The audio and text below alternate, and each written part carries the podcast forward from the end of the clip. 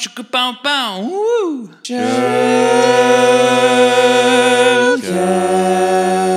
Hei og velkommen til denne episoden her av Shellcast. Dette her er episode 0x1D, eller den 30. episoden vi spiller inn. Eh, Jeg heter Vetle, jobber som pentester. Du finner meg på Twitter som at bordplate. Jeg heter Knut, og du finner meg på Twitter som uh, @knude. Jeg jobber som IT-konsulent.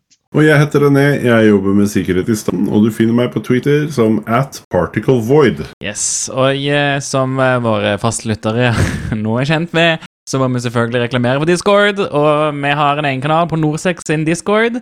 Lenken til den finner du i shownotes. Eh, Når du har joina, gå til hashtag information, klikk på mikrofonikonet i rolleposten for å tildele deg rolle, sånn at du får tilgang til Shellcast-kanalene. Jeg skal ikke si så mye mer, for det plager jeg alle, som allerede har hørt om det en sånn million ganger.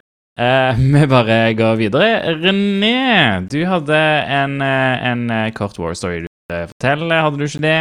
Kanskje du tar oss gjennom det? Jo, nei, det stemmer det. Jeg, skulle, jeg var med på å håndtere en hendelse på et tidspunkt. Og det er jo alltid litt sånn utfordrende å holde god struktur når du driver med hendelseshåndtering. Spesielt hvis organisasjonen er stor, eh, og de som er der, ikke nødvendigvis har mye forståelse for dette her med å bevare bevismateriale og litt sånne ting. Jeg var veldig ny i, i organisasjonen på tidspunktet, og så ble vi utsatt for, for en hendelse. Og det var da et sett med datamaskiner som vi mistenkte at noen kanskje var inne på. Eh, og i full skrekk så begynte administrator da uten å sjekke med oss som styrte hendelsen, eh, begynte å trekke ut kabler i, i hytt og pinne. Ja, så de rett og slett de begynte å skru av datamaskiner og fysisk trekke ut kabler og litt sånne ting. Eh, og som ny så ble jo jeg da ekstremt populær eh, når jeg gikk eh, direkte til en av disse senioradministratorene og, kalte han rett ut på teppet og sa at det der er faktisk noe av det dummeste du finner på.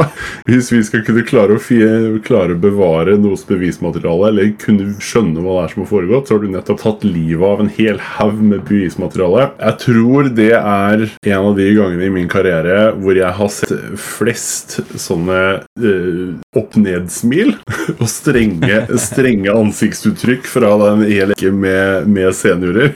Jeg klarte da å snu humøret på hele gva i løpet av 30 sekunder. Så Men ja. Nei, det, jeg står fortsatt på den dag i dag at det var en særdeles dårlig idé. Vi vet ingenting om hva som kan ha vært på de maskinene. Eh, vi kom oss ut av hendelsen, heldigvis med, med det meste i behold.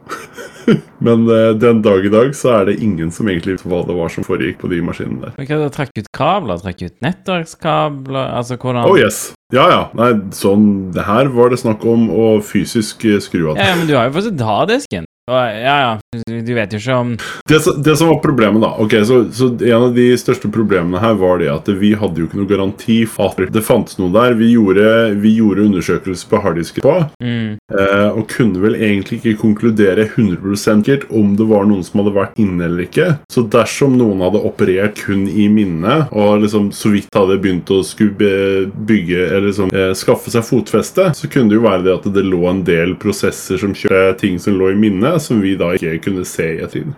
Og alt det ble jo da borte, da. Ja, selvfølgelig. Så, så men det, det Hvis noen eh, lurer på hvordan man lett gjør seg upopulær hos eh, en rekke med senior eh, nettverksadministratorer, så er det bare å trampe inn og si at de har driti seg ut eh, som første, første gang du møter dem. Ja.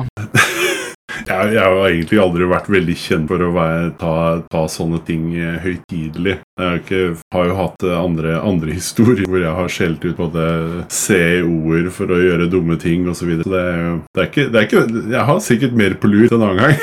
Jeg har lært ifra TV eh, og filmer at eh, folk som er liksom på det høyeste i bedrifter og sånt, de liker å bli skjelt. De blir aldri skjelt ut av noen andre. Så jeg hver gang jeg møter noen som er CEO, så bare kaller jeg de skikkelig stygge ting og sånt, egentlig.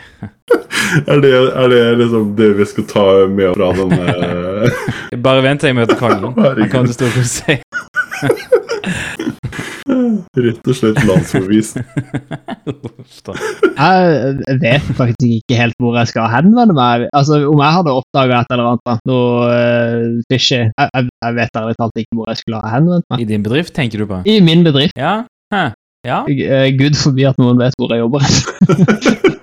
Ja, men, al- al- altså, og Det er egentlig et veldig godt poeng, da, synes jeg. Fordi at det er faktisk et stort problem. Mm. Og det er et stort problem mange steder. Det er, og, og spesielt når det skjer noe eh, som er dramatisk, så er det veldig lett at hvis ikke man har eh, steinkontroll og har god, eh, gode rutiner for øvelse på, på hendelser og sånt nå, så er det mange som, eh, som ender opp med å springe rundt og bare prøve å slokke brann. Men da når du har i en organisasjon på liksom noen hundre mennesker har 30 stykker som går rundt og slokker separate branner uten å ha kontakt med hverandre, ja, da, da skjer det feil. da. Det er jo litt en del av de tingene som, som vi fokuserer på også, er jo nettopp dette her med å, å, å trene opp ansatte i de forskjellige organisasjonene til å i det minste ha en sånn fellesnevner hvem de ringer og og sånn. Så hvis du er litt usikker på det, så vil jo jeg anbefale deg at du, det du gjør i morgen når du kommer på jobb, er å gå og spørre hvem i all verden er det man kontakter dersom det plutselig brenner på dass.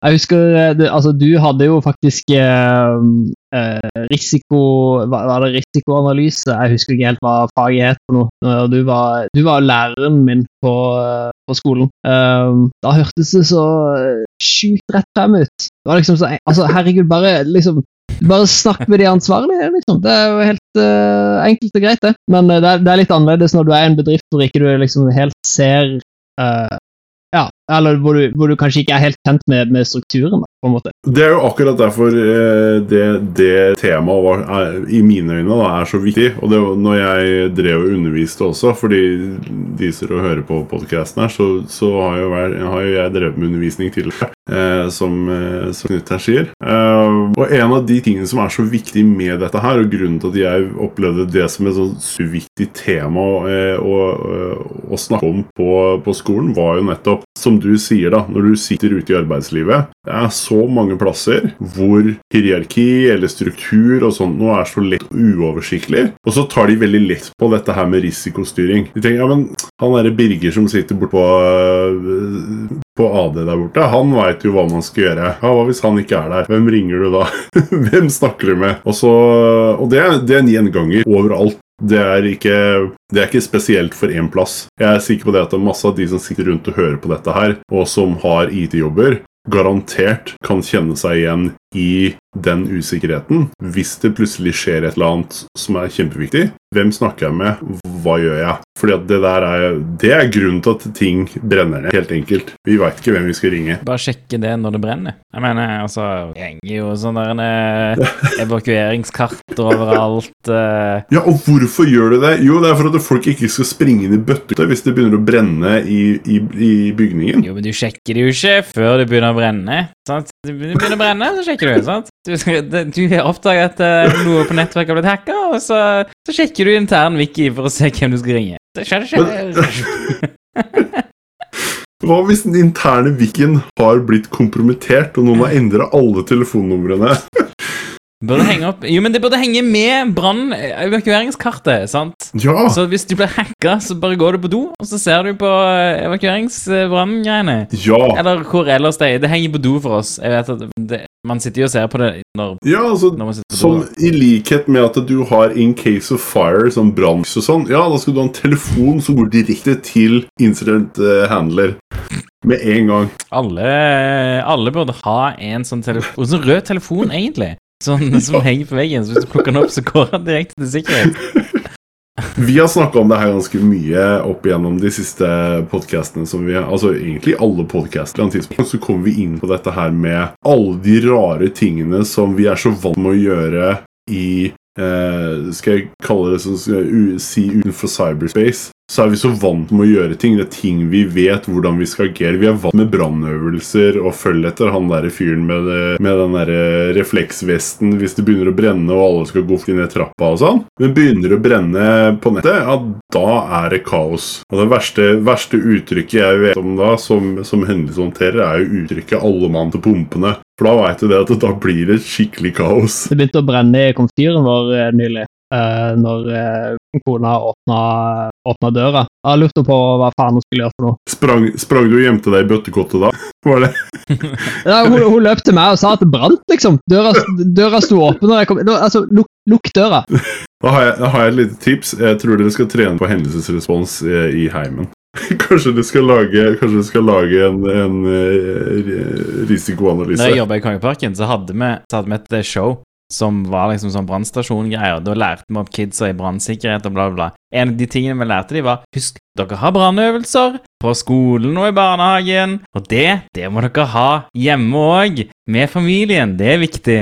Så det er mitt tips til deg, Knut. Ha, ha brannøvelse hjemme, hjemme på familien. Men jeg føler vi burde ta det, òg til sikkerhet. sant? At, uh, at man burde øve på Man øver jo på hendelseshåndtering på jobb og på skolen og i barnehagen. Syns man burde øve på hendelseshåndtering hjemme òg, sammen med familien. Og jeg vet det at med, med tanke på at min familie synes at jeg er litt overparanoid i utgangspunktet Hvis jeg skal begynne å smelle av bomber nede i kjelleren for også å be alle om å stoppe alt det de gjør og gå bort fra de elektriske enhetene sine, så tror jeg det hadde, det hadde blitt skikkelig kos her i huset. Ja, men har du, har du regelmessig pentest av familien? Jeg trenger ikke, for jeg social engineerer dem hver dag. At de lar deg bo der, er social engineering feat i seg sjøl? Du tar ikke helt feil. All right. Uh, jeg tenker vi går videre. Uh, jeg har eh, lagt inn neste sak, som, uh, som egentlig bare er en tweet-tråd fra Jack Dorsey, som er CEO for Twitter. Eh, der han snakker litt om uh, snakker litt om moderering av Twitter og hvordan sosiale medier funker, da, og hele balansen mellom hvordan du modererer og du uh, Hva du skal sette fokus på. Eller hva Twitter har valgt å sette fokus på, og, og hvordan, de, hvordan de som business skal tjene penger, og, og alt, alt det greiene der. Da. Jeg, synes det er en, jeg synes det er en utrolig interessant tråd da, på, der han eh, på et eller annet punkt òg sier at eh, nå i det siste så har de eh, valgt å sette fokus på å moderere mye ting som kan skape offline harm nå. Eh, og så har han pekt på et par ting som er blant annet eh, at tre kategorier eh, som kan føre til offline harm, som er manipulert media, public health og civic integrity. Eh, skal jeg ikke si at jeg skjønner hva extenten av det betyr, da. Eh, men Jack går òg inn i mer å snakke om eh, federerte systemer, eller mer open source, da, sosiale medier, og snakke igjennom om, eh, om arbeidet Twitter har begynt på eh, med, med en ny sånn åpen standard for, for sosiale medier som de kaller Blue Sky. De, de basically så kaller de sitt prosjekt, da, sitt forskningsprosjekt, Blue Sky. Og det handler ikke så mye om å skape en ny standard, men heller å finne en god standard som kan funke. Sånn som Twitter kan enten integrere sitt i, eller om de skaper noe nytt, eller om de eh, velger å gå inn for én standard og, og hjelpe å utvikle den. Eh, men jeg synes det er eh, det, Grunnen til at jeg har lyst til å ta det opp, er fordi at jeg, jeg synes det moderering er viktig. Moderering av innhold ser vi. Iallfall altså, det siste året, eller de siste fire årene med Trump, så har vi sett hvor, eh, hvor viktig moderering er i sosiale medier. Uh, og det, det, det er helt crazy hvor, uh, hvor mye det er. Og det, Twitter ser ut som de har gjort en jævlig ræva jobb på det, uh, egentlig. Nå, for, for mange av oss så er gjerne Twitter et av de sosiale mediene vi er mest innom. I hvert fall for meg, da. Facebook ser jeg ikke så mye. Jeg vet at Facebook også sliter med moderering. Men jeg, jeg, jeg har sett mye at, uh, at mine peers da har hata uh, Twitter og Jack fordi at de har gjort dårlig moderering. Og jeg synes han her forklarer litt hvorfor de har vært dårlige på det, da. Fordi at de har de, de, de ja, går gjennom mye, de tenker på mye. Det, det er vanskelig å finne den, eh, den perfekte balansen, og det er jo det vi jobber oss mot å gjøre. da. Sosiale medier er en ny plattform, og du, du må på en måte jobbe deg opp mot å eh, mot å, å håndtere det ordentlig. Så, så jeg syns eh, Jeg syns jeg har Ja, nei, jeg har aldri syntes at Twitter har vært det verste på moderering. Jeg synes alltid det har vært Facebook eh, som, som jeg syns mer har vært motvillig til å ta bort innhold, til og med, eh, som har vist seg å vært eh, harmful. Mens Twitter syns jeg har vært noe bedre på det, men selvfølgelig ikke bra nok. Det er ingenting som er bra nok heller. Men det er en interessant tweet, så jeg har lagt den i shownotes for de som er interessert i å, lese gjennom det. Ja, det, altså, det er jo noe som vi kommer til å, å se mye av langt inn i framtiden. Og jeg tenker det at vi opplever dette nå, skal, tør jeg å si for første gang, eh, med tanke på det at sosiale medier plutselig har blitt en ting i løpet av de siste 15-20 årene, så er det første gangen menneskeheten som, som vi opplever den, har hatt et sånt medium hvor hvem som helst kan bare spytte ut hva som helst til et hvilket som helst tidspunkt. Og noen gjør det helt uhemma og, og bruker det som en, en fin måte å benytte sin ytringsfrihet. Samtidig så har vi andre aktører som vi er godt kjent med, som vi vet bruker alle kanaler og midler som de kan for å fremme en agenda og spre informasjon som ikke stemmer, eller som er modifisert til å, å fungere i en spesifikk retning. Eh, vippe folk i en eller, annen, en eller annen retning som er til deres favør på et eller, annet, et eller annet nivå. Og det har vi ikke hatt tidligere. Det har vært mye vanskeligere å gjøre disse tingene, nettopp fordi at du måtte få tak i personer, du måtte få, ta, komme, få innpass i grupper og sånn. Nå kan hvilken som helst dust begynne å spy ut idioti på internett. Eh, jeg, skal ikke si noen ting om eh, posisjon eller noe sånt, men hvilken som helst dust på internett kan begynne å spy ut ljug og falsk informasjon og tull. Og få folk med seg, fordi at vi er fortsatt innstilt på at det vi leser, er sant. Og det er skummelt. Det, så, så, jeg syns det her er, det, det er kjempetid, og jeg er så glad for å se det at flere og flere eh, tjenester faktisk begynner å få et fokus på det. Jeg sier ikke det at vi er flinke i det hele tatt enda, men det er godt å vite det at eh, de som eh, har muligheten til å ta eh, og gjøre tiltak, i det minste starter å, å, fokusere på det. Så får vi se da hvilken retning dette her ender opp i. Eh, det er jo alltid skummelt å la mennesker være ansvar for å bestemme hva slags informasjon som får lov til å bli kommunisert på en kanal. Så det er jo en, sånn Politisk sett så er det spennende å se hvor dette her bærer hen, samtidig som at vi trenger noen form for moderering. vi trenger alle sammen et eller annet filter. Det å ha en plass hvor ingen har filter, det er ganske grunt. Ja, ja, nei, det jeg, jeg, jeg, tror det er utrolig bra for, uh, for oss som samfunn at man har muligheten til å bli hørt av så mange på en, uh, på en helt annen måte enn man har før. da. Sant? Med internett, det er jo dette her man, eh, man det er jo noe slags dette her man ønsker med internett i utgangspunktet. At man kan dele informasjon, og man kan få at små stemmer kan bli hørt. da. Så, så, så det er jo I utgangspunktet så er jo sosiale medier og Twitter og sånne ting er, er liksom en kjempebra plattform for at man kan ha god dialog på tvers av landegrenser, f.eks. Eh, eller bare fysiske begrensninger, altså distansebegrensninger. og sånt. Det, eh, det, det, er kjempebra, og det, jeg tror det er viktig. Jeg tror faktisk at det er viktig for, liksom, for oss, altså for vår utvikling, da. Men, men, det må jo gjøres riktig. Og ja, overmoderering er ikke bra, og undermoderering er heller ikke bra. sant? Eh, med overmoderering, så for det første, så bare så, så, så klarer du ikke å skape en plattform der brukerne ønsker å være. Sant? Da, og da har du ikke penger. Så som bedrift så, så er det en dårlig strategi. Og undermoderering, så, så får du Trump som president, liksom.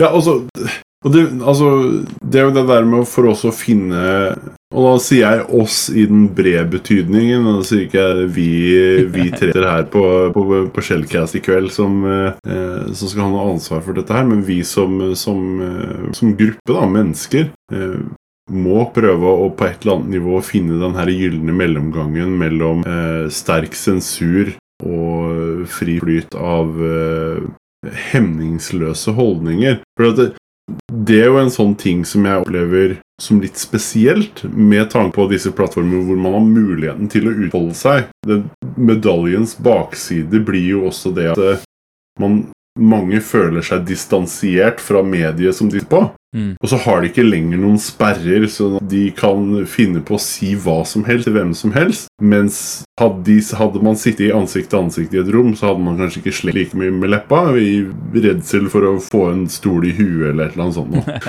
Og det, så vi trenger på et eller annet sånt nivå å få litt, et par stoler i huet, sånn at vi, at vi må eh, moderere oss på et eller annet nivå. Så nei, jeg, jeg er kjempespent på å se hvordan dette her eh, hvordan dette vil. Ja, jeg, jeg vil jo tro at, eh, at mye av dette løser seg med, med generasjonsskiftet. Når, eh, når vår generasjon kommer ja, de høyere makter, skal du si. Eh, eller at, altså, at det, det har blitt vanlig. Sant? Eller spesielt de som er yngre enn oss igjen. Når de begynner å liksom ta CEO-posisjoner rundt omkring, så, eh, så tror jeg mye av dette kommer til å løse seg bedre. At de som har Eller bare altså, man har, man har bort med de som ikke har vokst opp med det, og de som, de som ikke ser at det er andre mennesker på andre siden. For jeg tror alle eh, Jeg tror de aller fleste på vår alder eh, og yngre ser folka som er på andre siden. Jeg tror det er verre med den eldre generasjonen, de som, de som fikk internett når de var liksom 50, 40, 50, 60, I don't know.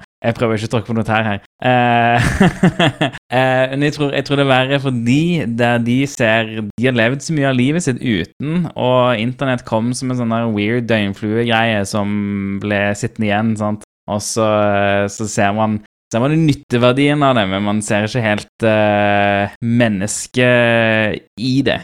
Det er liksom, det er mer data enn det er menneske. Når internett egentlig er mye mer menneske enn det er data. sant? Jeg, jeg syns egentlig det er en uh, interessant teori, for jeg, min oppfatning er egentlig den rake motsetningen. Oh, ja, ok, ja, ja. Jeg opplever det at uh, Ja, og det, det er litt fordi at uh, det jeg opplever i kommunikasjon med de som i hovedsak har hatt fysisk kommunikasjon, og da fysisk så mener jeg også selvfølgelig skrevet brev, liksom klassisk kommunikasjon, skal jeg si det, ikke digital kommunikasjon, Mm. Uh, har en annen holdning til individer de er i kontakt med. Så at man har den her litt sånn klassiske holdningen til at ja, nå skal jeg sette meg ned så skal jeg skrive et brev til noen. Så skriver man en e-post, og så er det et brev. Ja, Man har den klassiske holdningen til kommunikasjon. Også litt den derre Skal jeg si En litt sånn hø høflighet. Som en litt sånn eh, moderert form for å kommunisere med, med hverandre. Som man har gjort i, i alle tider. Mens man er litt lettere for å være litt sånn småfrekk eh, fordi at man vet at eh, en person sitter kanskje i, i, i Canada og med deg, så vet du at det er ikke sjans i verden at han kommer ned og gir meg en smekk i kjeften hvis jeg slenger litt med leppa mens jeg sitter og spiller Call of Duty. Uh, Jeg vet ikke om det er noe som spilles lenger engang. Jo da. Kanskje jeg avslører min egen oh, nei da, vi kommer til Call of Duty. Men det er mer Call of Duty i denne episoden. Men ja, det er sant. Men der har du gamingkultur, da. Gamingkultur føler jeg er noe for seg sjøl. Gamere er toxic piece of shit, altså.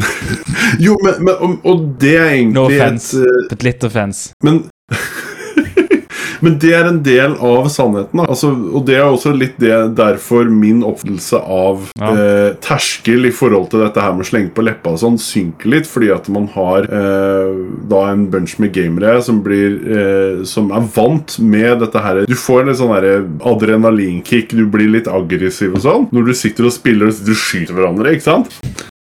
Så har man den der adrenalinkick. Altså, jeg har spilt Counter-Strike, jeg òg, så jeg vet at man blir gæren i huet. Men, men du har den der adrenalin, litt den der gutteromstendensen. Du kan slenge litt med leppa til kompisen din, ikke sant? Men så, ha, så du senker den terskelen på noe nivå. da. Det skulle vært kjempeinteressant å se en, en faktisk eh, eh, sånn psykologforskningsrapport av noe slag, og liksom se hva realiteten er, for det er kjempespennende. Ja. Eh, for med tanke på at vi sitter med to veldig sprikende oppfatninger. Da. Er kjempe, derfor blir jeg så gira på det. Jo, men jeg tror, jeg tror det kommer litt fra hvor eksemplene, eh, eksemplene vi tar fra Nå har ikke jeg hatt noen eksempler, da. Du, eh, du tar fra gaming, og jeg tenkte mer på ikke-gaming. sant? Tradisjonell sosiale medier, eh, kommunikasjon. da. Men, eh, men interessant det til gaming òg. Og, og, eh, og er, gamingkulturen blir bare mer og mer toxic. Eh, det, det blir bare verre og verre. Og det tror jeg Altså, jeg, det, det, det er jo ikke produktivt. sant? Hvis du spiller på lag med noen, og du driver og flamer de, du vinner ikke noe Altså, du, du blir ikke noe bedre. Du vinner ikke noe av det. Så, så, så det, det i seg selv er ganske useless, men jeg tror ikke det kommer ifra at det, uh, det kommer ikke nødvendigvis jeg, jeg tror det kommer fra et sted av at Nei, det, det er så jævla dypt, akkurat det dritet der. Det går så dypt.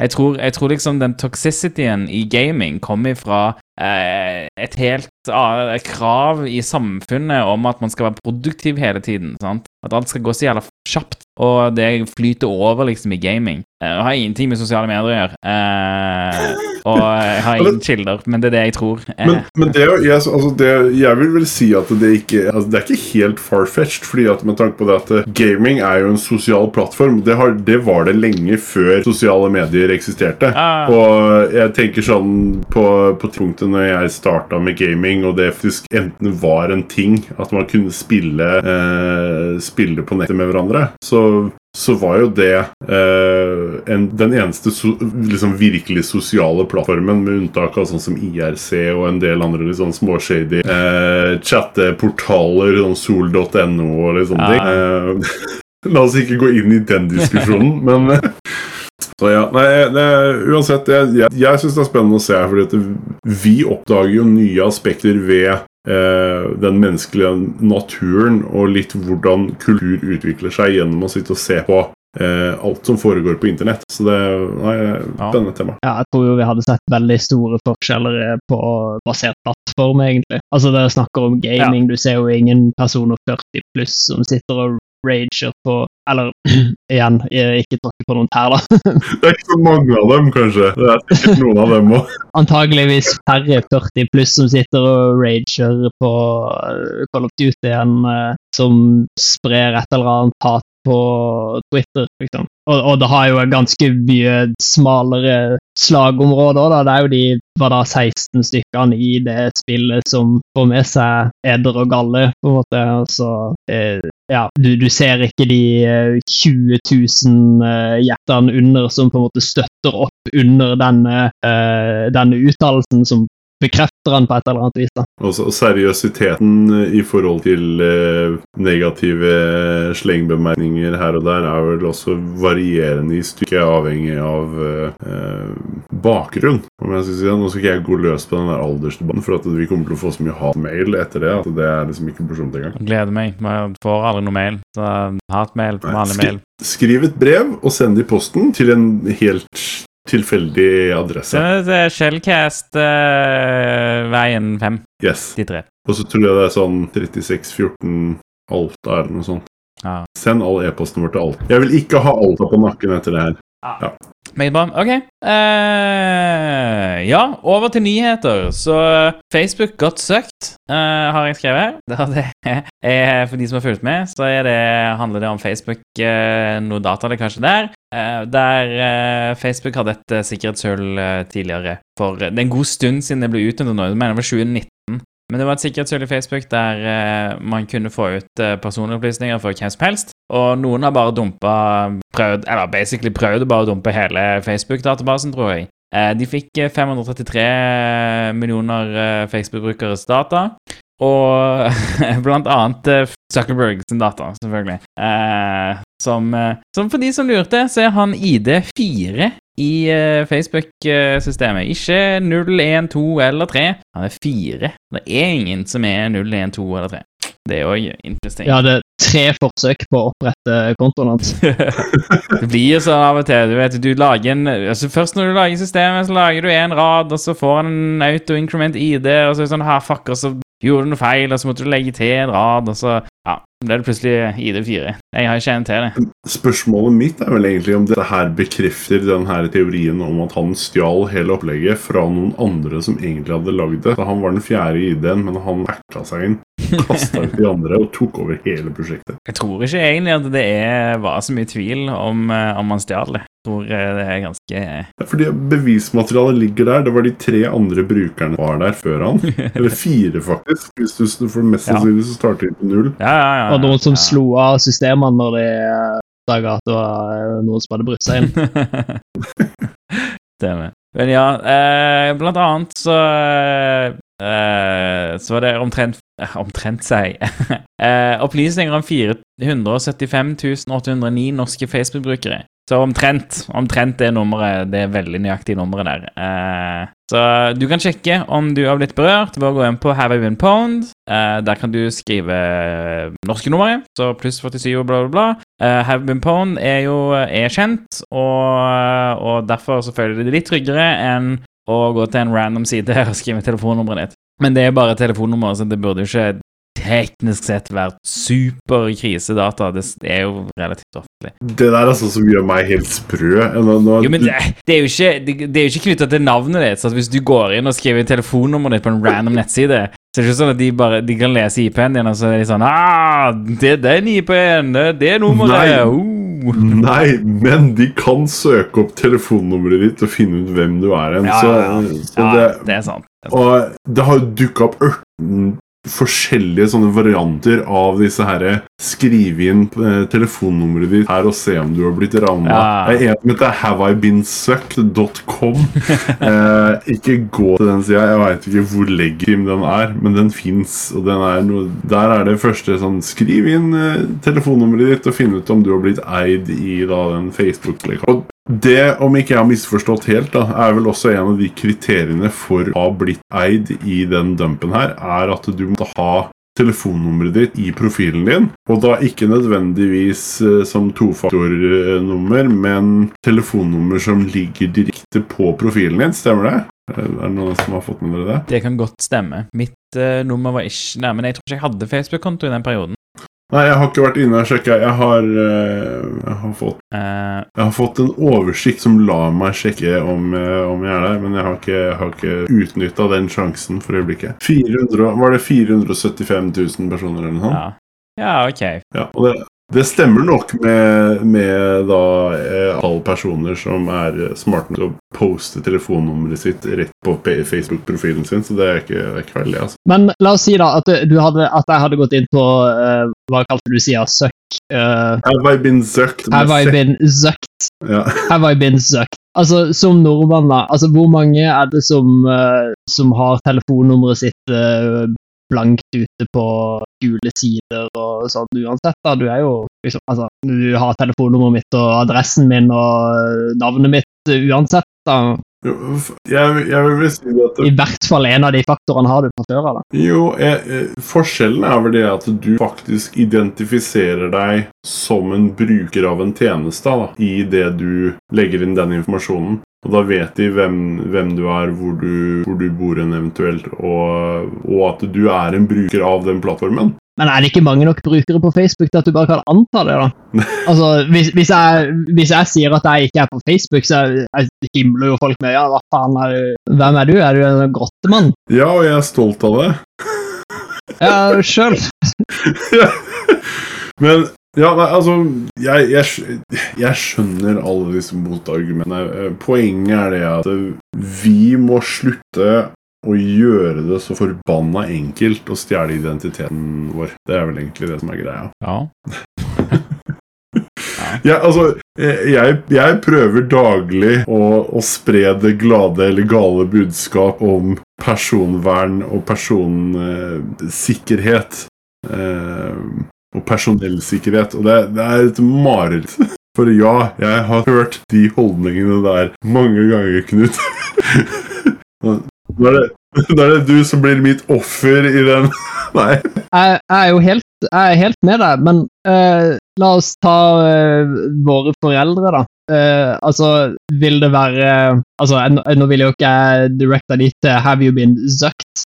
Eh, men, men jeg har jo sagt ja, sjekk om dere har eh, vært der på Have Nord. Så vær, vær føre var Selvfølgelig ikke skriv inn telefonnummeret ditt alle stedene du blir bedt om telefonnummeret ditt. For, for det var egentlig det som jeg reagerte mest på, var det at dette her er informasjon som setter deg i direkte kontakt med en enhet som kan identifisere din nåværende posisjon. E-posten min er ikke nødvendigvis at jeg leser fra mobilen min, selv om det er veldig mange som gjør det nå. Så er telefonnummeret ditt identifiserer din posisjon mye, med mye større sikkerhet enn en, e-post gjør. da. Og det, det var vel det jeg reagerte litt på, eh, i tillegg til at jeg vet det at eh, ja, ok, Det er greit, du kan sikkert finne meg på gule sider, men Ja, nei, altså så, Men ja, det handler jo hovedsakelig om å kunne kontrollere sitt eget personvern. Sant? Hvis du vil være på gule sider, all right, men du, det skal ikke bety at du er nødt til å ha liksom telefonnummeret ditt eh, på Facebook, eller at det skal være lekka via Facebook. Sant? Så det er det som er det viktige. Eh, at man, eh, man sjøl bestemmer. Og bare fordi man gir tilgang ett sted, så skal man ikke gi tilgang alle steder. Og det er veldig annerledes utenfor Norge. I Norge så er vi jo fortsatt naive og har telefonkatalog, liksom, eh, der folk by default er lista med fullt navn og hele pakken. Det, det er kjempenaivt i liksom det store hele i verden. Det er ingen andre som gjør det lenger, tror jeg. Kanskje noen, men ikke mange. Så, så det er verre for andre, da. Der, eh, der telefonnummeret er, en, en større hemmelighet, da. For hemmeligheter òg er jo Det er jo litt det at man, man tenker at folk bare ikke kan telefonnummeret ditt. sant? Du, du, man har liksom en slags forstå... Eller man har en slags antakelse om at folk du ikke har gitt telefonnummeret til, de har i utgangspunktet ikke telefonnummeret ditt, med mindre de er selgere. sant? En dude du møter på en bar, har ikke bare randomly telefonnummeret ditt. sant? Eh, og det er jo òg en antakelse vi har i Norge, selv om vi har julesider. Men eh, den antakelsen tror jeg er mye større i, eh, i andre land, da, der de ikke har noe telefonkatalog. Og, eh, og med noe sånn som dette her, så er det en mer, et, mer, et større innbrudd da, i personvernet enn en det er for oss, da. Altså, Jeg opplever det som en litt sånn interessant ting. For at hver gang jeg Jeg gjør jo et poeng av det. Eh, hver gang noen snubler ut med noen form for eh, personinformasjon, så gjør jo jeg et litt sånn nummer av da å google individet og vise dem liksom Se, her er alt om deg. var det eh, senest i stad det var noen posta et bilde som avslørte et brukernavn i en tjeneste. Jeg klarer jo ikke å dy meg. Jeg må jo finne e-postadressen til individet, alle bildene av den personen, og så presentere 'Unnskyld meg, men hvorfor gjør du det her?' For det her er helt på trynet. Du har forresten eh, ligger eh, e-posten din i X all breaches. Så ja, ja, Ja, det er altså det, det, det er sånne Altså, ja, det er creepy. Jeg vet at jeg automatisk blir han fyren som folk syns er litt sånn klissete eh, når jeg gjør det, men det er rett og slett for at folk skal skjerpe seg. da. Vi må definitivt bli bedre. Og jeg sier ikke at jeg er perfekt, langt ifra. Eh, men i det minste så vet jeg at jeg er uperfekt, og jeg vet sånn cirka hvor alt sammen er hen.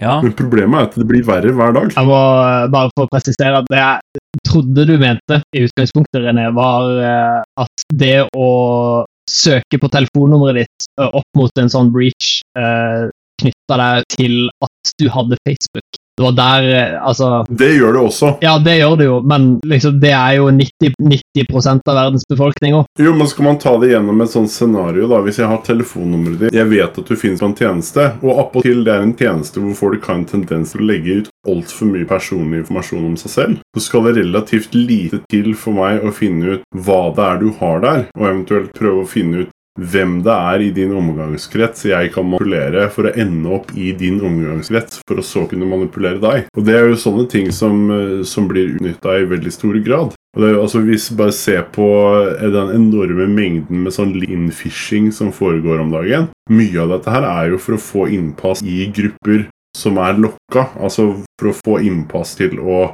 eh, f.eks. ta del og være, få, få tilgang til grupper som gjør at du ser ut som du har ansatt en plass. da. Det gjør at du kan opprette en falsk bruker som ser ut som du har ansatt eh, en plass, for å skaffe deg tilgang til lokasjoner eller informasjon osv. Det finnes masse spennende taktikker å bruke, og det er derfor vi må være forsiktige. Så vet jeg det at det, noen syns det at jeg høres ekstremt paranoid ut, og andre er helt med på notene, som jeg sier, Agrana. Ja, jeg er jo med deg, men uh, det, det er vanskelig å Det er vanskelig å overbevise folk om at det betyr noe i det hele tatt. Det, det, folk driver bare og drar den der eh, Ja, men jeg har ikke noe å skjule, så hvorfor skal jeg bry meg, da? Ja vel. Hvis du skal være et rævhold, hvorfor skal jeg bry meg om å overbevise deg, da? Det er derfor jeg går rundt naken uten gardiner i huset. Ja, Alle naboene mine har fått seg gardiner, da. all right. Eh, jeg tenker vi beveger oss videre. Kinesisk politi har uh, ja, fanga, stoppa uh, Jeg vet ikke hvordan jeg snakker, sier dette på norsk, men de har stoppa noen spillhack-utviklere. Altså eh, Det vil si det er altså en av de største eh, gruppene nå for å lage hacks til spill eh, som Overwatch og Call of Duty Mobile, av alle ting. Men eh, de, Så denne gruppen hadde, hadde da rundt eh, 76 millioner dollar i eh, revenue, er ganske mye. Eh, og de, de solgte cheats da til disse spillene på en sånn subscription basis, som jeg syns er utrolig interessant. Eh, alle går liksom over til subscription basis, ikke bare ikke bare er det liksom eh, Netflix og, og uh, skytjenester, men det er liksom Det er malware, og det er cheating-tjenester og sånne ting. Så det her er CAS, altså CAAS, Cheats as a Cheats Service. as a service. Det er cheats as a service. Jeg, men jeg, jeg husker når jeg var liksom Når jeg var kid og lasta ned cheats til diverse online-spill. sant? Ja, ja, jeg òg spilte skytespill. Jeg har spilt CS, og jeg har gjort med cheats. Det var liksom, det var gøy litt. Det er gøy en sånn kort periode.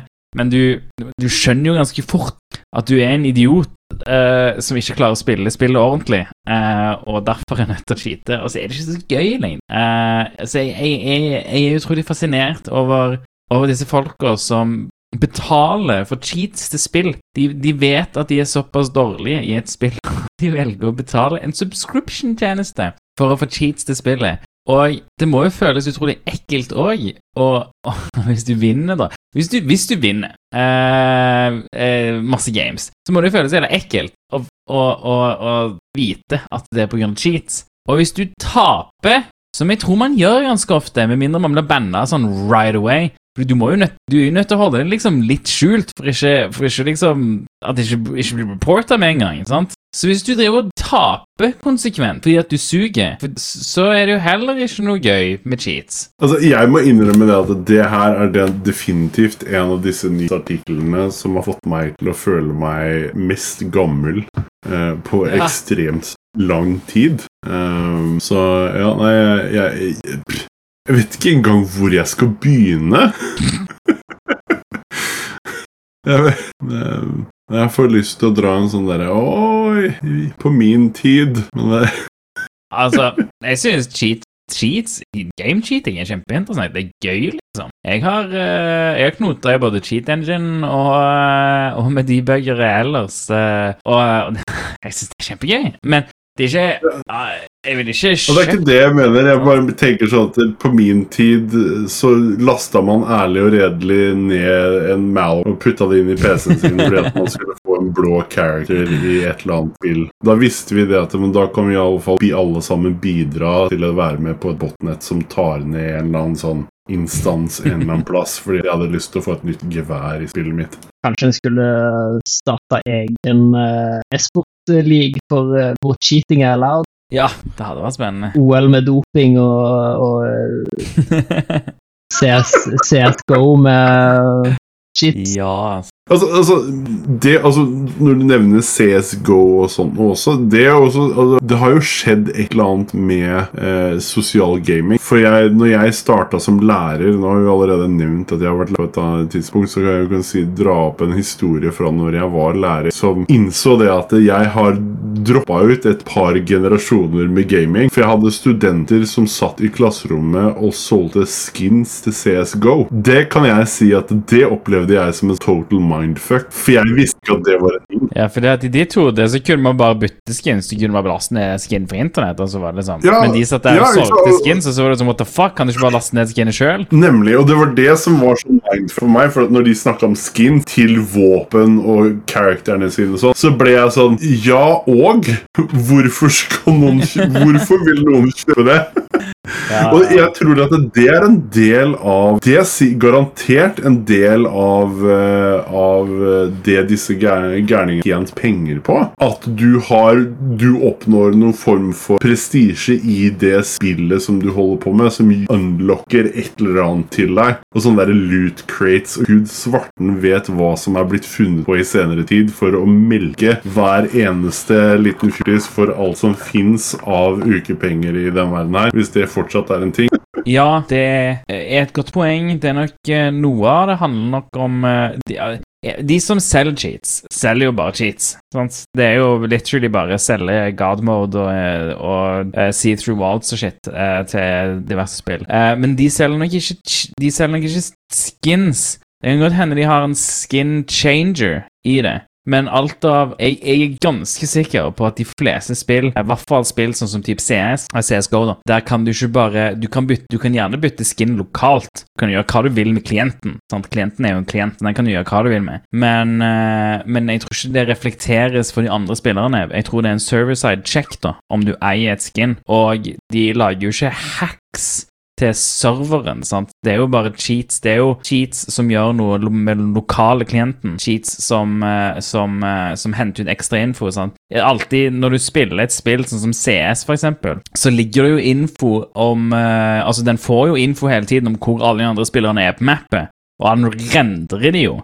Men han rendrer de bak ting. sant? Så cheats i, i, i den forstanden er jo, er jo det der de, eh, der, der de lar folk se gjennom veggene da, og, og rendre eh, gjerne spillerne over veggen i stedet for. Eh, det er jo den type cheats, da. Ja, og, og det er jo altså, Det er jo sånn uh, wallhacks har man ja, det er bare, for, for meg så er det litt interessant, da, fordi at in the day, som sagt, du lasta ned en eller annen trojaner, og så fikk du en wallhack, som kunne skyte alle den usitt tvers gjennom. ikke sant? Men Stemmer. Auto eh, Hva heter det? Auto-aim. Auto-aim A- Aimbot er nok òg en stor greie. ja, og de aller fleste som jeg kjenner som har blitt utsatt for Sub 7 back in the var nettopp gjennom aimbot eller en eller annen sånn wallhack-variant. Ja.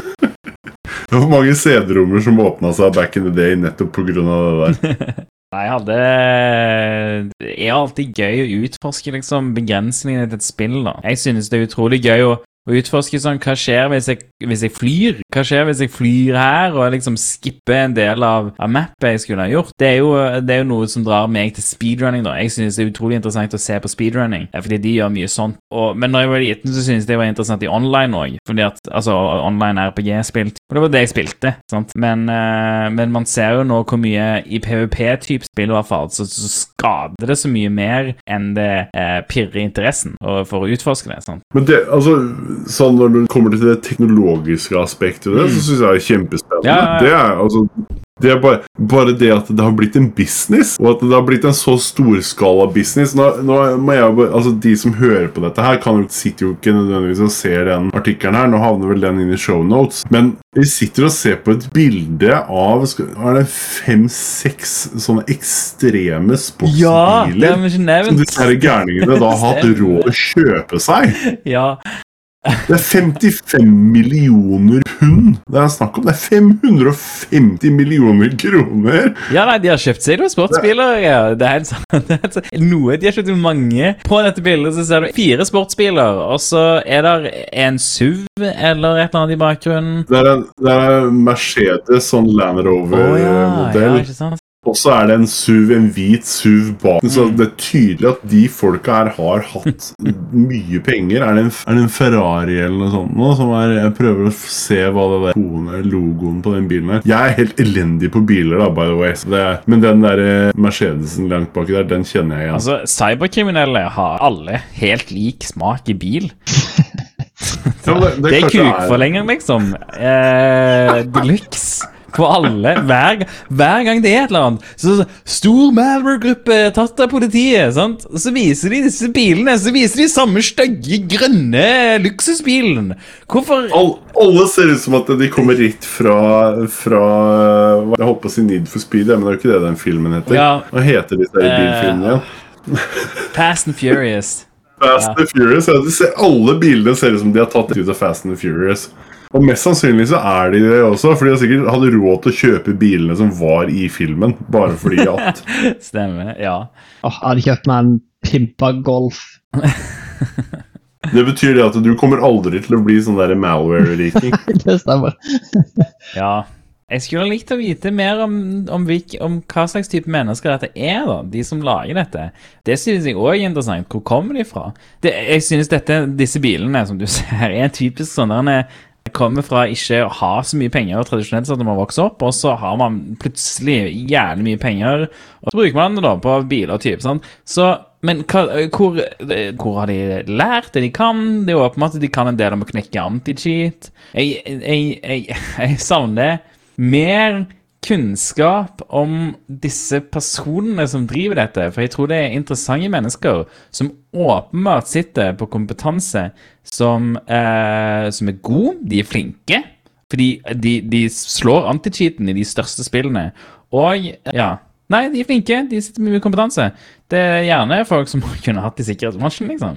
Ja, altså, jeg tenker også litt sånn på Når man sitter og, og reverserer sånn malware og sånn på Altså, jeg, jeg sitter og opplever hva slags mennesker det er som har skrevet malwaren. Ja, Og det er faktisk ekstremt interessant. For det verste av alt er at mye av den malwaren som jeg ser, og, og ser på, er ikke nødvendigvis Den er ikke nødvendigvis veldig avansert. Og jeg kan kjenne igjen typiske sånn nybegynnerfeil i en del av koden, og det, det er kjempespennende sånn sett, men de, de er kreative, er vel det jeg vil si. Det er ikke nødvendigvis at jeg ser, ser så mye ekstrem sånn vidunderbarnkunnskap som eh, ikke The Matrix. Det er ikke det jeg sitter og ser, men jeg ser genuin eh, kreativitet i å kombinere forskjellige ting som brekker alt som prøver å stoppe det, på en måte. Og jeg tror at det er det det handler om. Det her er det du trenger for å kunne sette deg ned og gjøre en sånn ting som det her, altså, som skal komme deg forbi disse her anti-cheat-greiene sånn, er rett og slett muligheten til å sette deg ned foran en PC i 26 timer uten å blunke, og så manisk banke deg gjennom. For de bruker jo de samme verktøyene som vi alle andre gjør. ja. Så det, er- ja, det er jo kjempespennende. Det er en, eh, det er en av disse her Darknet Diaries-episodene som, som faktisk har et intervju med en sånn eh, Med en fyr som lagde, lagde cheats til Hva var det? Anarchy Online eller noe sånt nå? For herrens år siden. Jeg husker ikke hva den episoden heter. Kan prøve å finne en link til den til shownote etterpå. Eh, Men som faktisk da du får, de får et, komme inn i hodet på han For han forklarer litt hvordan han opplevde å sitte og, og eh, gjøre disse tingene. Så det kan jo kanskje du, kanskje du får noen kreative ideer for, for nye hobbyer. ja nei, cheat-utvikling skulle vi gjerne gjort. Det hadde vært gøy, det. Jeg jobber i staten, så skal jeg ikke ha noen kommentar på denne. Jeg tenker vi går videre. All right. Så uh, vi snakka for uh, noen uker siden om uh, et vannverk i Florida som ble hacka. Og jeg trodde først vi hadde fortsettelse på denne historien her. Men det viser seg at der i 2019, mars, så var det en eh, 22-åring som uh, hacka eh, eh, Her må man nesten si hacka i hermetegn, eh, tror jeg. Men de hacka, han hacka et vannverk. det var i Kansas. og risikerer da 25 års fengsel. 25 års fengsel! Herregud. Det er liksom Au. Du har liksom maks her i, i Norge for sånn 21 år, og så kommer du til USA som bare sånn Nei, 25 års fengsel for uh, whatever, something, you know? Men OK. Uh, så denne 22-åringen eh, det, det, er ikke så mye info, og dessverre så har ikke Digi linka til, uh, til en kilde. Så alt jeg ser her, er bare at denne 22-åringen uh, risikerer 25 års fengsel for vannverkhacking i USA. Men han, han jobba nå et år tidligere i han, han hadde jobba i ett år eh, hos dette vannverket, eh, og så slutta han, eller ble sparka, eller var ferdig i hvert fall. Og så hacka han det seinere. Men det står ikke noe om hvordan han kom inn, eller noen ting. Så Men siden han har jobba der, så, så vil jeg nesten regne med at han hadde noe passord eller noe. Selv uh, Digi omtaler det som at han klarte å logge seg inn. Digi bruker jo, av min oppfatning, eh, hacke seg inn eh, temmelig løst eh, ofte. Så Ja. han har vel brukt de, den innlogginga han har hatt, antar jeg. Ja. Ja, jeg sitter og ser på en Dette her er da fra pcmag.com, som har en Skriver om akkurat den samme saken. Skriver, her, her går de faktisk løs på å si at han gjorde dette her gjennom en Samsung smarttelefon. Oi. Um, og altså, her skriver de da i fall det at uh, Justisdepartementet i, uh, i Flori, i Florida eh, sier det at denne personen her da eh, hacka seg inn til en remote beskytta maskin som, som da styrte vann i, i Ellsworth County i Kansas. Så, men om han har gjort det gjennom en mobiltelefon, så er jo sannsynligheten for at han ikke har all verdens med verktøy eh, for å gjøre, gjøre innbruddet. Så det er nok ikke helt umulig det han har hatt noe eh, input på passord eller noe sånt, eller om de gud forby har brukt, eh, brukt et eller annet eh, eh, teit passord som 1, 2, 3, 4 eller noe. Så har du Win 1 og 3. Nemlig. Så nå i, i tillegg til de 25 årene, uh, så risikerer han eh, 250 000 dollar i bot. Ja, så uh, eh, ja. Men hvis du faktisk prøver å endre kje- de kjemiske verdiene i drikkefolk, så, så er det kanskje greit at du blir tatt et eksempel av. ja, men gjorde han det? Ja, nei, det står ikke noe om han Det som, det som står i denne saken her, er jo definitivt det at han har forsøkt å gjøre endringer på eh, disinfiseringsprosedyrene i vannet. Eh, og det betyr jo faktisk det at du gjør endringer på de kjemiske verdiene som er i pumpesystemet der. Ja. Så han har nok prøvd å Altså, om det var med overlegg et forsøk på å forgifte vannet, det er jo en spekulasjon. Men han har definitivt prøvd å trykke rundt på kontrollpanelet og se om han kunne få noe til å endre seg, da. Om denne saken så sier Diggy at tiltalen sier ikke noe om hvor raskt hackingen ble oppdaga, og om drikkevannet ble påvirka, men påtalemyndigheten hevder at målet med hackingen var å gjøre skade. Ja, nei, altså jeg, jeg, jeg kan ikke se hvorfor noen skulle gjøre en sånn sak, men for all del, jeg har også sett disse her eh, videoene. Nå har jo eh, min, min store glede rundt Dan Tender sine presentasjoner eh, vært nevnt tidligere. Men jeg vet alle disse rare tingene som han har dratt fram på showdown som eh, direkte tilgang til uten passord eller noen ting, hvor du basically kan stå endre temperaturer i smelteverk og gud vet hva. Ja, det er sikkert spennende hvis du ikke tenker på konsekvensen for de som er rundt disse maskinene som du endrer på. da. Det er interessant å følge angrep da på, eh, på datasystemer som påvirker den fysiske verden. Det er jo ikke noe info her, men uh, likevel interessant å, å følge og, og få med seg uh, hvor det går. Det, det er jo interessant å, å, å nevne i hvert fall at uh, det virker som dette er en greie som er ganske enkelt. Sant? Det er enkelt å hacke vannverk, f.eks. Men det er ikke noe som eh, noen APT-grupper har noe interesse av. De går ikke rundt, de går ikke rundt og hacker vannverk eh, støtt og stadig. Åpenbart. Ellers hadde vi jo sett eh, resultatene av det. Ja, og, Men mye av det handler jo også om eh, hvorfor.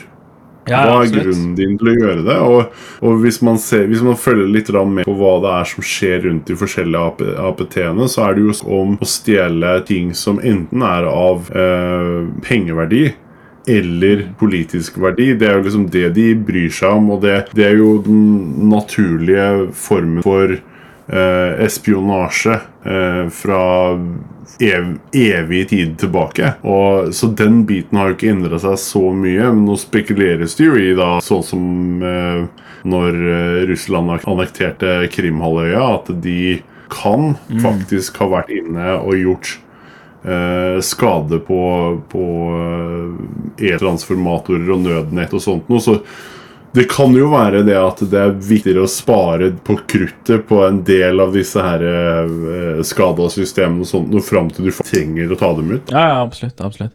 Men, men jeg, da vil jeg dra det videre til terrorister, egentlig. sant? Terrorisme er jo, en, er jo en greie som eksisterer, dessverre.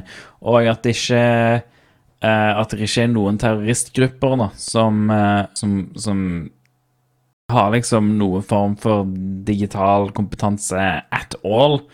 Hvis de hadde hatt litt digital kompetanse, så hadde jo de kunnet gjort disse greiene her. Sant? Og, og, og det, det òg syns jeg Jeg syns bare Jeg vet ikke hva det betyr, da, men jeg syns det er interessant, er interessant å se at det ikke blir gjort. At det ikke er noe liksom terrorisme basert på hacking.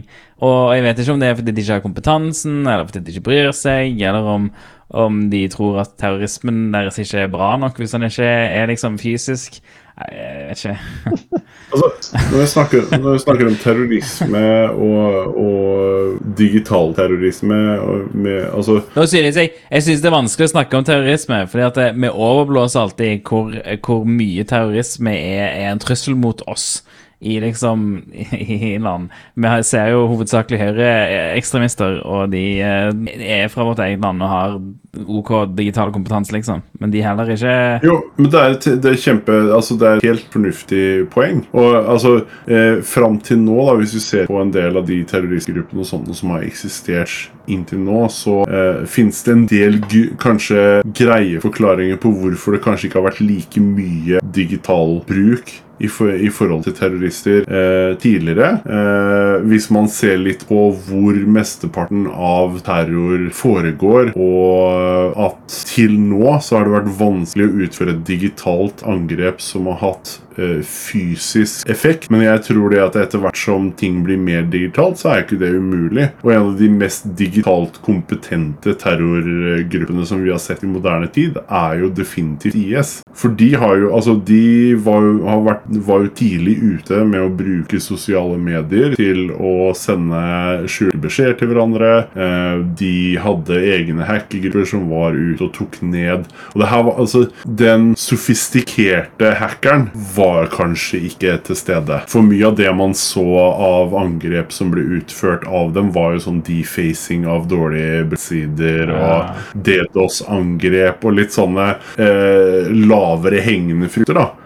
Men med tanke på hva slags fokus digital sikkerhet har fått, og eh, tilgang på materiale og sånt, så skal vi ikke utelukke det at eh, det er noe vi kommer til å se veldig mye mer av i nær framtid. Det var det jeg tenkte. Altså. Det var noe jeg hadde nesten forventa å se nå. da.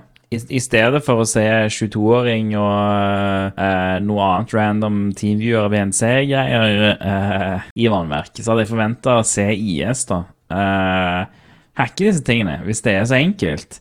Altså, Det er en ting å deface. Defacing Defacing er jo ikke terrorisme engang. sant? Hvis du først skal være terrorist, kan du ikke terrorisere ordentlig, liksom. Ikke, Nå skal ikke du oppfordre terrorister, terrorister her, men Nei, jeg skal ikke, jeg skal ikke oppfordre terrorister. Men jeg bare ah, jeg, jeg, jeg, jeg, jeg, prøver finne, jeg prøver å finne logikk i det, og det frustrerer meg at det ikke er noe logikk i det. sant? Hvis du kan deface noe, hvis du kan lage Hvis du kan bruke Ikke lage. Hvis du kan bruke en enkel liksom, Wordpress exploit, så kan du òg bruke Showdown, liksom.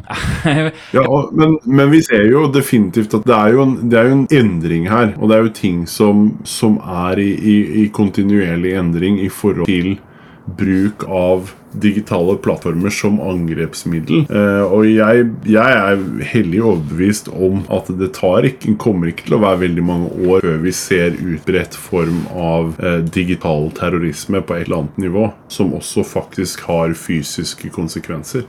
Er du plaga av møll eller Nei, noe? jeg, jeg var forvirra. Sånn at du var sånn Jeg er forvirra over refleksjonen her i, i vinduet. Og hvor han hva han reflekterte fra, om det var liksom fra over her, eller om det var bak der.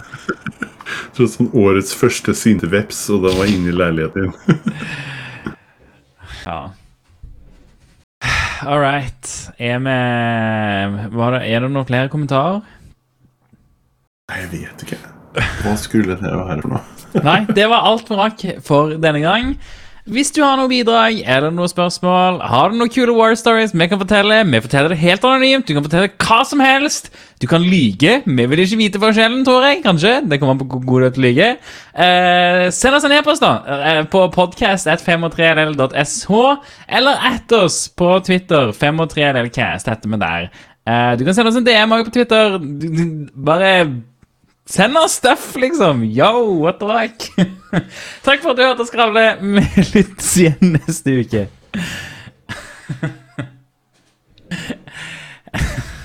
Og hvis du klarer å lure oss, så skal vi gi deg en shout-out.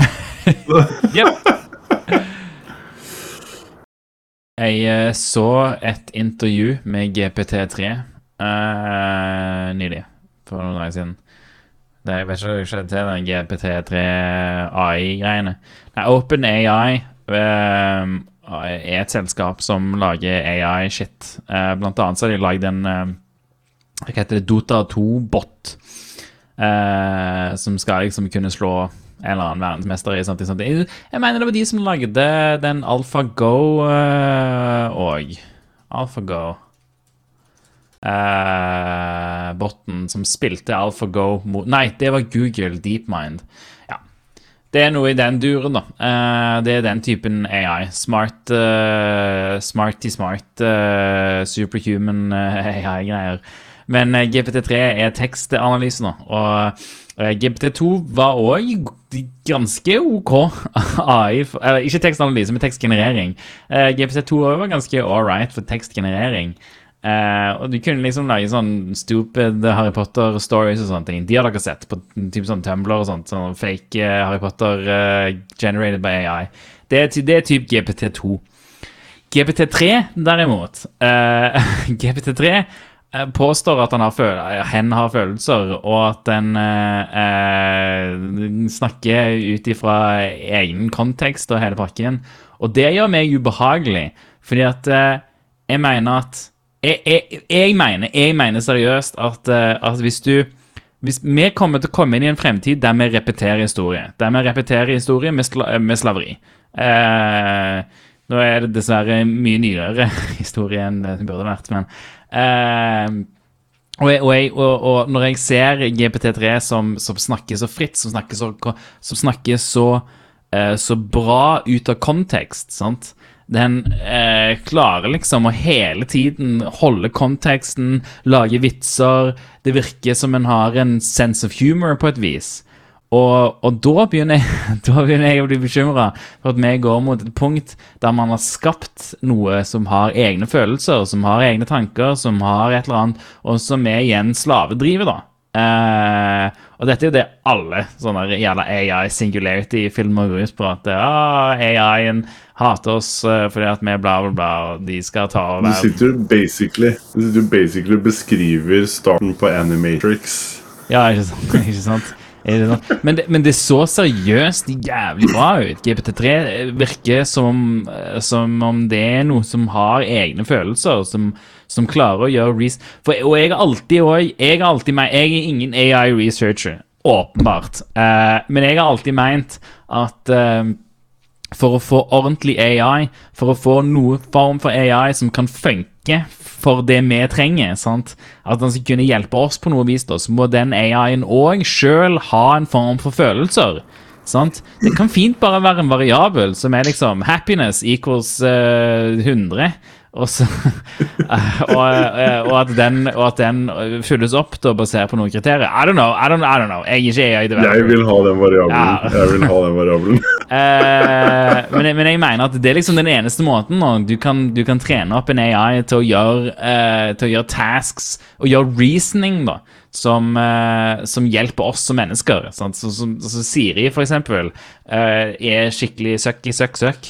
Eh, og, og, og jeg, jeg mener liksom en av de måtene Siri kunne vært bedre på, hadde vært om, om hun hadde hatt følelser eh, og kunne gjort reasoning basert på følelser. Og Det virker som de har gjort det med GPT3, da. Eh, og, og det bare Det virker så Det her er sånne ting som, får, som får meg til å ikke kunne sove på fordi det, det siste vi trenger nå, er enda en ting som ikke vi forstår. ja, Ja, ja. Det, men det blir jo det, sant. Tre, hvis du har et stort neural network med masse greier og store servere og masse, altså, masse prosesseringskraft, så kan du ikke skjønne det. sant? Du kan ikke sitte og debugge en hel hjerne. Og det er jo en hjerne. Vi klarer jo ikke å debugge liksom, den simpleste av den simpleste biologiske hjernen. Så det er ikke rart at vi heller ikke klarer å debugge den simpleste av den simpleste AI-hjernen heller. Det, det er jo litt det som er skummelt her, da. For da, da begynner vi å, å bevege oss inn på et sånt territorium at man har skapt noe man egentlig ikke vet hva er for noe. Og så kan man si at jo, men vi har teorier om hvordan alt dette her fungerer og henger sammen, og sånt, men vi vet jo ikke. Vi vet heller ikke hva den bestemmer seg for å, å gjøre når den finner ut at Hei, jeg, ja, jeg styrer jo all våpenproduksjonen i verden. Ja, Hva hvis jeg launcher meg selv ut, eh, ut i verdensrommet, og så bare nuker vi, nuker vi den dustete planeten, alle idiotene som ikke jeg trenger noe mer? ja det er veldig sci-fi. eh, sci-fi. Men det må jo gjøres så. sant? Du må jo gjøre den researchen. For hvorfor skal du ikke gjøre det? sant? Det er ikke noe, er ikke noe poeng i å, i å ikke gjøre researchen ikke vite hvordan Om man kan lage en såpass god AI, liksom. Og jeg vet ikke. Jeg vet ikke hva. Jeg syns det, det, var, det er vanskelig å, å gjøre seg opp en mening om det. For det første, GPT3 er ikke open source, og du, du, alt du får, er et API. Så du vet ikke om det er et menneske som sitter på andre enden og bare svarer manuelt, liksom. For, for all del, who knows. Uh, Vi snakka om farming i stad. ja. Så, men, men, eh, men hvis, det, hvis det er liksom Hvis GPT3 funker sånn som det ser ut som det gjør, så, så er det noe som eh, Fordi de har trent også på masse Wikipedia eller internett, eh, something, something. Eh, det er bare åpenbart at vi har kommet veldig langt på AI-opplegget, og, og det begynner å bli veldig relevant å snakke om de etiske problemstillingene. Og ikke de etiske sånn hvordan bruker du det, men de, jeg mener de etiske problemstillingene rundt hvordan behandler du en AI, sant? Hvordan, hvordan du, med meg, altså, man skal jo, hvis du har noen i arbeid, så skal du betale dem, sant? Eh, og det er jo basert på at de er At det, det er personer som kan tenke, som har mål i livet sitt, som ønsker å gjøre ting som eh, sant? Og, og, og på et eller annet punkt så må man også si til en AI eh, hvor nå gjør du arbeid for oss, det krever innsats ifra deg. Eh, hvordan betaler vi AI-en, liksom? Eh, det er en av de etiske tingene jeg, vil, jeg synes er utrolig interessant, og en av de første tingene vi burde begynne å, å stille oss til. For så fort man får noe som, som er likt oss, så må vi jo begynne Eller som, som, som tenker som kan kommunisere med oss, så må vi jo kommunisere ordentlig òg. Og liksom Gjør det. Jeg, jeg, jeg vet ikke jeg vet ikke hva jeg skal si. Det er bare så jævla weird. Det Jævlig weird. Jo, men Fryktelig spennende lønnsforhandling, da. Ja. klarer å kalkulere ut alle dine trekk mot deg, så at du kommer aldri til å vinne den landlenga der. Ja, og, og forresten, jeg har fingeren på, eh, på knappen, liksom. ja. Altså det, men det som skremmer meg igjen, da, i, sånn, i, når vi skal ta Når vi snakker om dette her med, med eh, sånn AI og trekker det over til et ønske om å putte sånne ting inn i roboter også, skremmer vettet av meg. Spesielt med tanke på hvordan jeg ser Cambridge Analytica drive og behandle disse robothundene sine. Altså, Ja, Boston første gangen jeg Dynamics. ja, ja, Boston Dynamics og Cambridge Analytica var jo noe helt annet. Det er bare tull og fant. Men ja, jeg, Boston Dynamics, når de driver og dytter disse bikkjene sine ned trappa, og gud vet hva de er, går bort og fjerner ting fra disse robotene som stakkars prøver å løfte en ting, ikke sant? Går rundt og dytter dem med pinner og gud vet hva. Da får jeg sånn derre Hvis du putter en AI inn i en av den der, han kommer til å ta livet av deg, for han kommer til å hevn fordi at du er en sånn dust som driver og dytter dem ned trappa og slår dem med pinner. Ja, ja. ja. Nei eh, Sant, der òg det, det, får meg, det får meg ikke til å revurdere hvordan jeg snakket til Siri. Jeg er jævlig mot Siri, men Siri er en idiot. Uh, og Siri Siri har heller ikke følelser. Så jeg spør Siri om hun har følelser, så får jeg en sånn canned svar tilbake igjen. Det er ikke basert på noe reasoning. Sant? Men spør du GPT3 om en har følelser, så svarer en at han har det, og at, eh, og at det er noe som betyr noe. Og en svarer òg at det at det er noe av grunnlaget for hvordan han har gjort reasoningen han har gjort, sant? Det, eh, Men det, vi det vet helt alle annet. det at det er Pornhub kommer til å kjøpe opp både Boston Dynamics og GPT3 og kombinere dette her. Eh, det er It's bound to happen. Jeg tror AI for Hvis porno er en av de minst eh, farlige use casene for eh, superavansert eh, AI. Så skal ikke, vi er ikke det hele poenget med porno? på en måte At du, at du, du skal slippe hele menneskeligheten? Er ikke det liksom nesten konseptet? Du skal ha en bunch med sånne sentient robots som har blitt voldtatt i årevis, og du mener at de ikke kommer til å skulle, skulle ta hevn på oss på et annet? Wow, de er ikke blitt voldtatt. Det, det, det er to ting Det er to ting i den verden her som driver teknologisk framdrift. Og det er pornoindustrien, og det er våpenindustrien. Og det er en jævlig dårlig kombinasjon. ja, det, det. Ja, ja. Men hvis du- hvis man skal si, da, av alle ting, vil du, vil du at AI skal utvikles i eh, våpenindustrien eller i pornoindustrien? Superavansert AI, hvor vil du helst ha det? Er det her en sånn der, Er det en sånn menneskelig test? Hvis jeg stryker på den nå, blir jeg da Ja, hvis du, hvis du du vil ha super-mega-avansert AI i våpenindustrien heller enn pornoindustrien, så tror jeg eh, Så tror jeg du er AI. Det her er et sånt svar Det, her, det er her jeg eh, Bare sånn eh, I plead the fifth. Nei, You're det, Her breaking up. det, det, er, det, er, det er utrolig interessant hvis uh, jeg, jeg anbefaler noen å, å, å gå på YouTube og søke opp uh, GP3 interview.